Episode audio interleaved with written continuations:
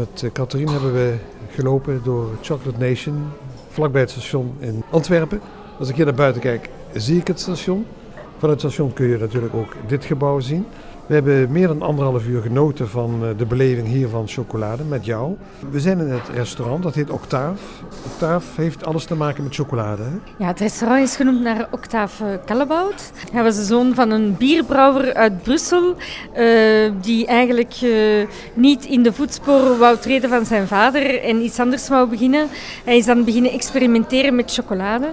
En dat is dan uitgegroeid tot het chocolade-imperium van Kallebout, zoals wij die uh, tegenwoordig kennen. Ja, ons restaurant noemt uh, Octave. En uh, hier kan je heerlijke chocoladedesserts eten. En chocolademelk en pannenkoeken en dergelijke meer. Maar je kan hier ook komen lunchen en dineren. Wij noemen het een Belgische keuken met een twist. Heerlijke Belgische gerichten. En af en toe een vleugje chocolade. Maar ja, dat hoort erbij, ja.